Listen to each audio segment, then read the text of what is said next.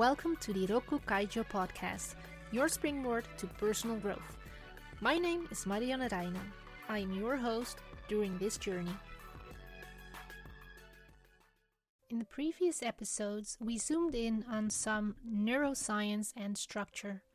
We have discovered that there are four important networks in our brain the default network, the reward network, the emotional network, and the control network.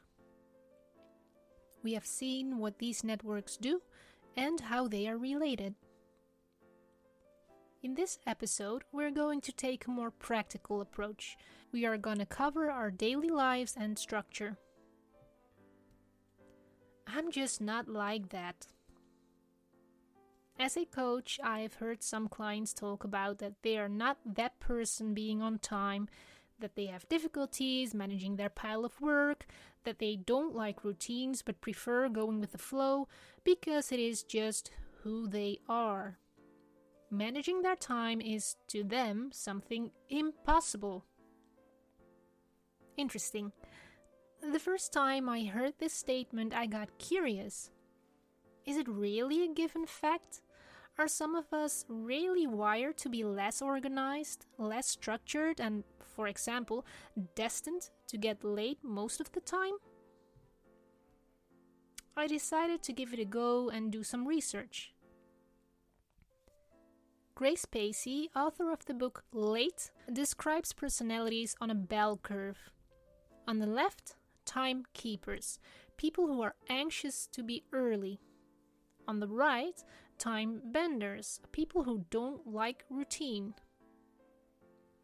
Looking at this last group, this covers people who don't like repetitive tasks. What characterizes them is that they actually can focus when something's got their interest. They might even lose track of time in such situations. As a matter of fact, they can be on time when it's really necessary. David Robson, author of the book The Expectation Effect, states that the problem with time benders is that they assume it's just who they are.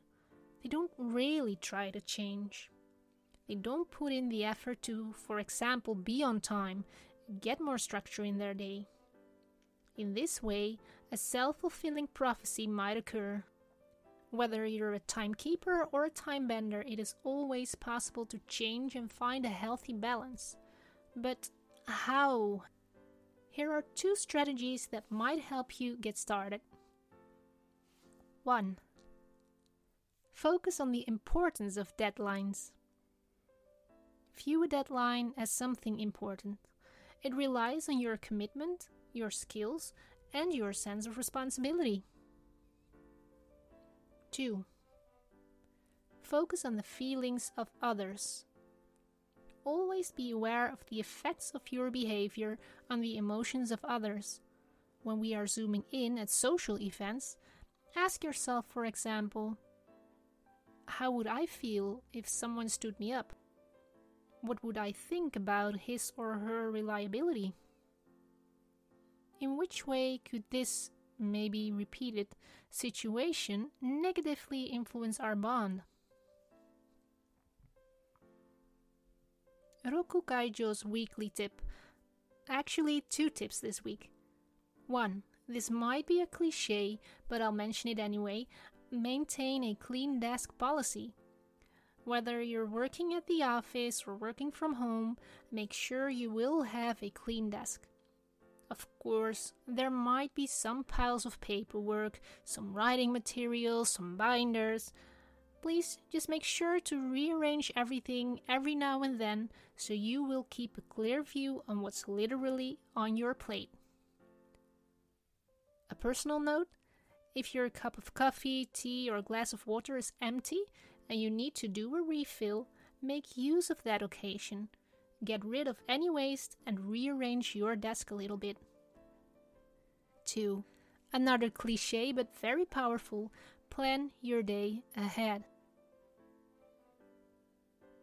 This can be done the night before. Just make a list of things you really need to get done. And don't fall into the trap of scheduling your whole day, cramming everything in, because of course, unexpected things may occur on a daily basis. We need to create some space for that. Thanks for listening to the Rokku Kaijo podcast. Tune in every Thursday for a new episode. More information and the latest news can be found on the website rokku-kaijo.com.